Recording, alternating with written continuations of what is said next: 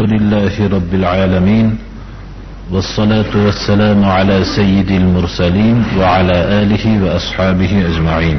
أما بعد السلام عليكم ورحمة الله.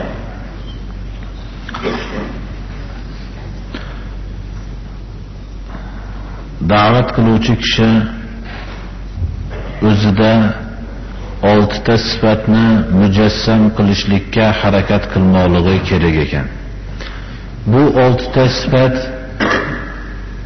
ba'zilari islomning arkonlaridan bo'lsa ba'zilari islomning targ'ib qilgan buyruqlaridandir islom arkonlarida shuni aytamizki bu rukunni qilinmasa islom kishisi deb hisoblanmaydi. Bu olti sifatning birinchisi iymon sifati bo'lishligi kerak.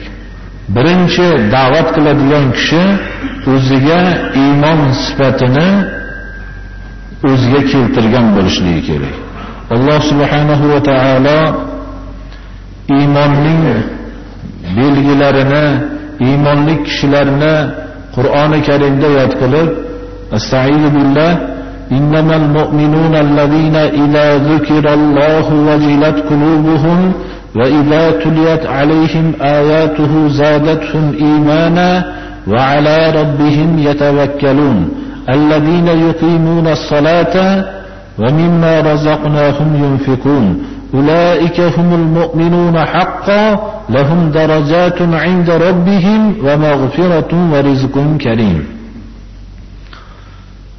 haqiqiy mo'min kishilar Allohni zikr qilingan vaqtda qalblari bir shunday namlanib qalblari eriydi. Allohning oyatlari ularga tilovat qilinsa bu oyatlar ularga iymonni kuchaytiradi. Va o'zlarining hayotdagi Allohning buyruqlarini bajarishlikda har xil to'sqinchiliklar, tashvishlar, qo'rquvlar bo'lgan vaqtida Rabbilarigagina tavakkul qilishadilar. Va namozni barpo qilishadilar va o'zlari da Alloh subhanahu va taolo tarafidan berilingan rizqdan Allohning yo'lida sarf qilishadilar.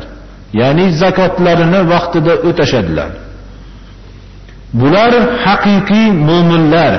Ularning darajotlari tarbiyat kunandalarini oldida muhayyo qilingan.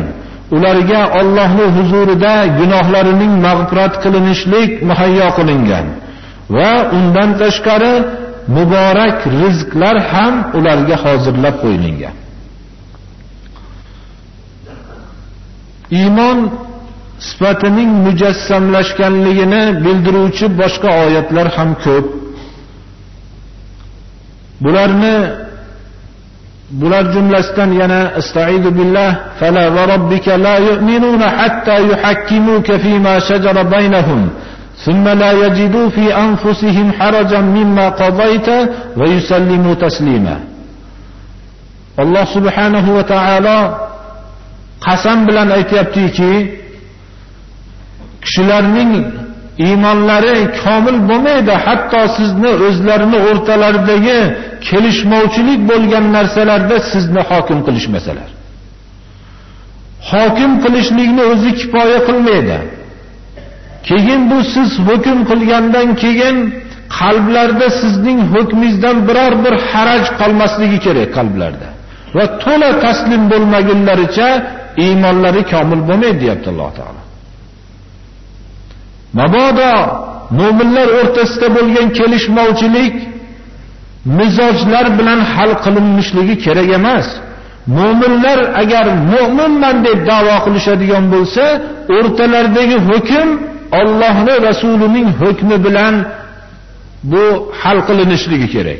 Shundagina iymon sifati ularda mujassamlashadi.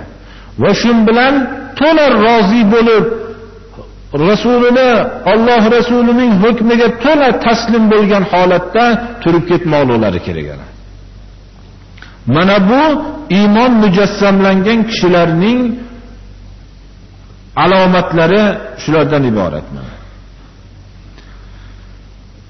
rasululloh sollallohu alayhi vasallamdan abu hurayra roziyallohu anhu rivoyat qiladilar كان النبي صلى الله عليه وسلم بارزا يوما للناس فأتاه رجل فقال ما الإيمان؟ قال الإيمان أن تؤمن بالله وملائكته وكتبه وبلقائه ورسله وتؤمن بالبعث. قال وما ما الإسلام؟ قال الإسلام أن تعبد الله ولا تشرك به شيئا وتقيم الصلاة وتؤدي الزكاة المفروضة وتصوم رمضان. قال ما الإحسان؟ قال أن تعبد الله كأنك تراه فإن لم تكن تراه فإنه يراك. قال متى الساعة؟ قال ما المسؤول عنها بأعلم من السائل. وسأخبرك عن أشراطها. إذا ولدت الأمة ربها وإذا تطاول رعاة الإبل البهم في البنيان في خمس لا يعلمهن إلا الله. ثم تلا النبي صلى الله عليه وسلم إن الله عنده علم الساعة. الآية ثم أدبر فقال ردوه فلم يروا شيئا فقال هذا جبريل جاء يعلم الناس دينهم imom buxoriy rivoyat qilganlar rasululloh sollallohu alayhi vasallam xalqlarga shunday ko'rinib turganlarida bir kishi kelib iymon nima deb so'radi iymon Allohga ishonmoqligingiz maloikalarga farishtalarga ishonmoqligingiz Allohning payg'ambarlarga nozil qilgan kitoblariga ishonmoqligingiz va Alloh bilan ro'baro bo'lishlikka ishonmoqligingiz ya'ni qiyomat kuniga va Allohning payg'ambarlarining hammasiga ishonishligingiz va o'lgandan keyingi tirilishlikka ham ishonmoqligingiz dedilar. U kishi yana islom nima? deb so'radilar. Islom Allohga ibodat qilishligingiz Allohga bir narsani sharik qilmasligingiz namozni barpo qilishligingiz farz zakotni o'tashligingiz va ramazonda ro'za tutishligingizdir, dedilar. Haj farz qilinmagan vaqtda kelganliklarini mana bu hadis sharif bildiradi. Ehson nima dedilar? Ehson Allohga ibodat qilmoqligingiz ko'rib turganingiz dedilar. Agar Allohni ko'rib turganligini qalbingizga tasavvurini sig'dira olmasangiz Alloh meni ko'rib turibdi degan tasavvur bilan ibodat qilishligingiz ehson dedilar. Qiyomat qachon dedilar? Aytdilarki so'raluvchi shaxs so'rovchidan olimroq emas dedilar. Uning belgilarini aytib beraman dedilar. Cho'ri o'zining hojasini tuqqanda qiyomatning belgilari paydo bo'ladi dedilar. Cho'ri o'zining hojasini tug'ishligidan kinoya davrlar kelib tuqqan onalar o'zining farzandiga xizmatkor bo'lib qolishadi degan belgini bildiradi. Ana onalar go'yoki farzandlarining cho'risidek xizmatkor bo'lib qolganda qiyomatning belgilari paydo bo'ladi dedi. Ya'ni bu millatni ichida qiyomat bo'ladi. Hamma yo'q janjal kelishmovchiliklar bo'ladi degan ma'noni ham bildiradi birodarlar. Va ru'atul ibnil buhmi fil bunyan tuyabaqor kishilar shunday cho'ponlar o'zlari haqiqatda tuyalarini ko'chirib yurgan kishilar o'zlariga bir qora uyda tikilgan uyda o'tirishlik kifoya ekanligini anglashishlari kerak edi. Lekin shular shunchalik o'zlari ma'lum bir muddat uchun turadigan joylariga ham shunday faxrlanadigan binolar qurishgan vaqtida qiyomatning belgisi paydo bo'ladi dedilar. Va alloh subhanahu va taoloning besh narsani g'ayib qilganligini bildiruvchi oyatni tilovat qilib bittasi qiyomatning qachon bo'lishligi bu g'ayb masalalaridan qachon bo'lishligini hech kim bilmaydi buni. Shu mazmundagi oyatni o'qib qo'ydilar. Keyin so'rovchi shaxs burilib ko'zdan g'oyib bo'lib ketdilar. Aytdilarki rasululloh sollallohu alayhi vasallam qaytarib kelinglar dedilar. Keyin chiqsalar hech narsani ko'rishmadilar. Aytdilarki bu jibril alayhissalom edi sizlarga diniylarni o'rgatishlik uchun kelgan edilar dedi xullas iymon ma'nosini bildiruvchi hadis shariflar ko'p. Ana shu iymon kishida mujassam bo'lmoqligi kerak. Bu yuqorida o'qilib o'tilgan oyat va hadislar iymon nima ekanligini qisman bir qismini bildiradi. Boshqa yana mukammalroq bu boshqa o'rinlarini yana komilroq bildiruvchi hadis shariflar ko'p mana. Shu bilan birga iymonni bilganimizdan keyin iymonning halovati lazzati bor. Iymon ko'p kishiga nasib bo'lsa ham uning halovati hamma kishiga nasib bo'lmaydi. Iymonning halovati nima abbos ibn abdul muttolib roziyallohu anhudan rivoyat qilinadiki أنه سمع رسول الله صلى الله عليه وسلم يقول ذاق طعم الإيمان من رضي بالله ربا وبالإسلام دينا وبمحمد صلى الله عليه وسلم رسولا imom muslim rivoyat qilganlar iymonning mazasini tatibdi Allohning tarbiyat kunanda ekanligini ixtiyor qilgan odam. Va islomning o'ziga din ekanligini va Muhammad sallallohu alayhi va sallamning Alloh tarafidan elchi ekanligini ixtiyor qilgan kishi shunga rozi bo'lgan kishi iymonning lazzatini tatibdi. Lekin bu hadis sharif bir qisman bir izohlanishlikka muhtoj. Allohni ke ishonadi. Har birimiz alhamdulillah Allohni yakkaligiga ishonamiz. Allohning tarbiyat kunanda ekanligiga faqat tarbiyat kunandan yagona deb e'tiqod qilgan kishigina iymonning lazzatini tatiydi. Ammo har xil tarbiyat kunandalarini qo'shib aytgan kishi iymonning lazzatidan mahrum bo'ladi. Insonning xususan mo'minning ya'ni mo'min bo'lsa uning tarbiyat kunandasi yagona Alloh bo'ladi. Ammo bunda iymon halovatini tatishlik nasib bo'ladi. Boshqa tarbiyat kunandalarni ham o'ziga tarbiyat kunanda qilib olgan odamga Allohni yakkaligi va unagan kishi lekin tarbiyat kunandaligiga unamagan kishi hisoblanadi. Va iymonning halovatidan mahrum bo'ladi bu kishi. Islomni o'ziga yo'l ekanligini ixtiyor qilgan kishi. Islom mening yo'lim islom deyolashlik kerak. Mening yo'lim odamlar tarafidan tuzib bergan yo'l emas deyishligi kerak. Ana shunda bu kishiga iymonning halovati nasib bo'ladi. Islomni biz albatta islomni o'zimizni namoz o'qiymiz shu bilan o'zimizda mujassamlashtiramiz ro'za tutamiz. Ammo islom mening yo'lim. Islom buyurgan yo'lda yuraman. Boshqa yo'llar menga yo'l emas bular. Faqat yagona islom yo'li haq yo'l deb ixtiyor qilgan kishiga Alloh taolo tarafidan iymon halovatini ham nasib qilinadi. Undan tashqari Anas radhiyallohu anhu dan ham rivoyat qilindiki, ثلاث من كن فيه وجد بهن حلاوة الإيمان Payg'ambarimiz sollallohu alayhi vasallam aytdilarki, uch narsa borki, shu uch narsa bilan iymonning halovatini kishi tatiydi. Agar uch narsa shunda muhayyo bo'lsa. birinchisi man va rasuluhu ahabba ilayhi mimma sivahuma Alloh rasuli unga boshqa hamma narsalardan suyimliroq bo'lsa iymonning halovatini tatiydi dedilar biz hammamiz Alloh rasuli eng suyumlik deb aytamiz. Lekin amalda ham shuni qilamizmi?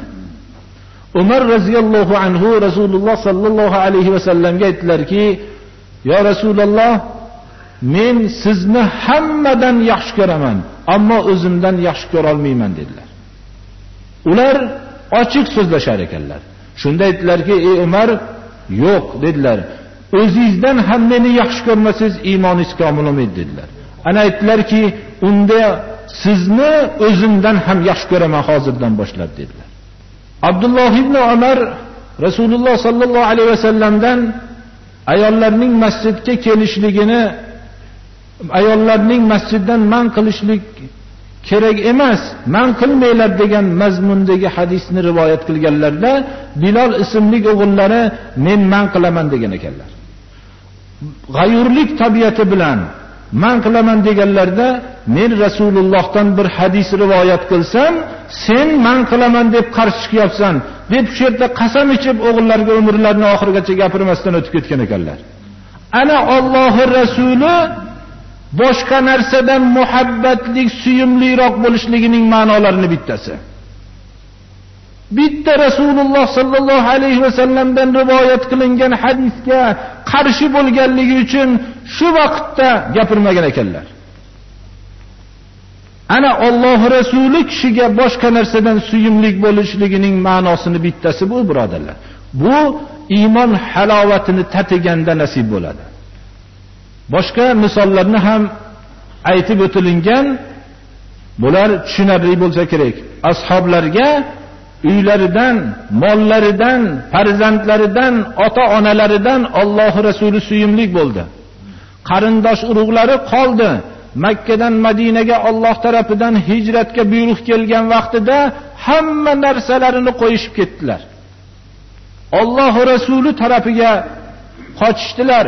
Alloh rasuli hamma narsadan suyumlik bo'ldi va shu ketishlari bilan umrbod faxrlanishdilar. Bid'atdan qilishmadilar bu yo'lga kirib biz shuncha narsarimizdan ajrashdik ajraldik deyishmadilar ana. Chunki ular iymonning halovatini bir lazzatini tatishgan edilar. Shuning uchun u lazzatdaqa lazzatni qaytib ko'rishmadilar boshqa narsada. Ana u narsa butun jismlarida mujassamlashgandan keyin u narsani oldida hamma narsaning mazasi bemaza narsaga aylanib qoldi birodarlar. Ikkinchi kishi birovni yaxshi ko'rsa Alloh uchun yaxshi ko'rishligi. Bir kishini Alloh uchun yaxshi ko'rishligining ma'nosi shariatga xilof ish qilgan vaqtida uni ayamasdan aytollashligi kerak. Ana bu Alloh uchun yaxshi ko'rishligini belgisi. Buning ma'nosi juda keng. Yuqoridagi ko'p aytilingan mazmundagi so'zlardan o'zinglarga xulosa chiqarib olasizlar. Va uchinchi sifat kufrga qaytishlikni alloh taolo kufrdan uni qutqargandan keyin xuddi o'tga tashlanishligini qanchalik yomon ko'rsa shunchalik yomon ko'rmoqligidir kufrga qaytishlikni. Ba'zi kishilar uzoq vaqt umrlarini islomdan tashqarida o'tkazishib islomga kirgandan keyin biror bir islomning jiddiy ahvolidan xabardor bo'lishganda biror jiddiy hukmga qilayotgan odatiy narsalardan voz kechishligi kerakligi lozim bo'lgan vaqtda agar men bu ishlarni qilsam bu ishlardan voz kechadigan bo'lsam avvalgi yo'limga ham qaytib ketaveraman deydi billah ana bunday kishilar iymonning halovatidan mahrum kishilardir. Bu ba'zi bir dunyoviy foydalar kelmay qolsa yoyinki biror bir nafsiga xilof bo'ladigan ishlar kelib qolsa iymonni shunday halovatini tatigan odam qaytib nauzi billah kufrga qaytishlikni xuddi o'tga yetalab uloqtirilishligini yomon ko'rgandek yomon ko'rmagandagina iymonning halovatini tatigan bo'lishadilar. Ana shuning uchun sahoba ikromlar butun umrlarini hammasida iymonlariga putur yetadigan ish nima bo'lishligidan qat'iy nazar hammasidan voz kechisha oldilar chunki ular iymonning lazzatini tatishgan edilar. Bu lazzatdaqa lazzatni hech olamda ko'rishmagandilar. Biz ham alhamdulillah iymonli kishilarimiz deymizu lekin iymonning halovati hammaga nasib bo'lgan emas. Mana bu lazzat nasib bo'lgandan keyin dunyoning hech qaysi bir narsasiga almashtirilmaydi. Alloh subhanahu va taolo hammamizga alhamdulillah mo'minmiz iymonimiz bor allohni yakkaligiga unaymiz butun iymoni mufassalda aytilingan so'zlarni hammasini tasdiqlaymiz. Alloh subhanahu va taolo iymonning halovatini ham nasib qilsin. Mana bu halovatning yo'qligidan hayotda insonlar qiynaladi. Allohu rasuli hamma narsadan suyumli bo'lsa uning ro'barosida chiqqan qarshi bo'lgan narsa kim bo'lishligidan nima bo'lishligidan qat'i nazar Alloh rasulining so'ziga to'g'rimi? To'g'risi bo'lsa shu vaqtda qabul qiladi, to'g'ri bo'lmasa u vaqtda bundan voz kechishlik unga bir oddiy narsaga aylanadi. Chunki o'zining qalbida turgan lazzatdan mahrum bo'lib qolishlik unga qattiq musibat bo'ladi. Alloh taolo hammamizga ham iymonning halovatini nasib qilsin. Alloh taolo bizga ham mana shu iymonning halovatini nasib qilsin. Mav'iza muddati sal uzoqroq bo'lib qoldi. Bu mavzuni bir o'zi hal qilinishi kerak. Shu olti sifatning bittasi iymon. Iymon deganimizda halovati, uning quvvati, uning azamati, mana bu narsalarni mukammal tushunib olishimiz kerak. Va boshqa sifatlarni ham inshaalloh aytib beramiz.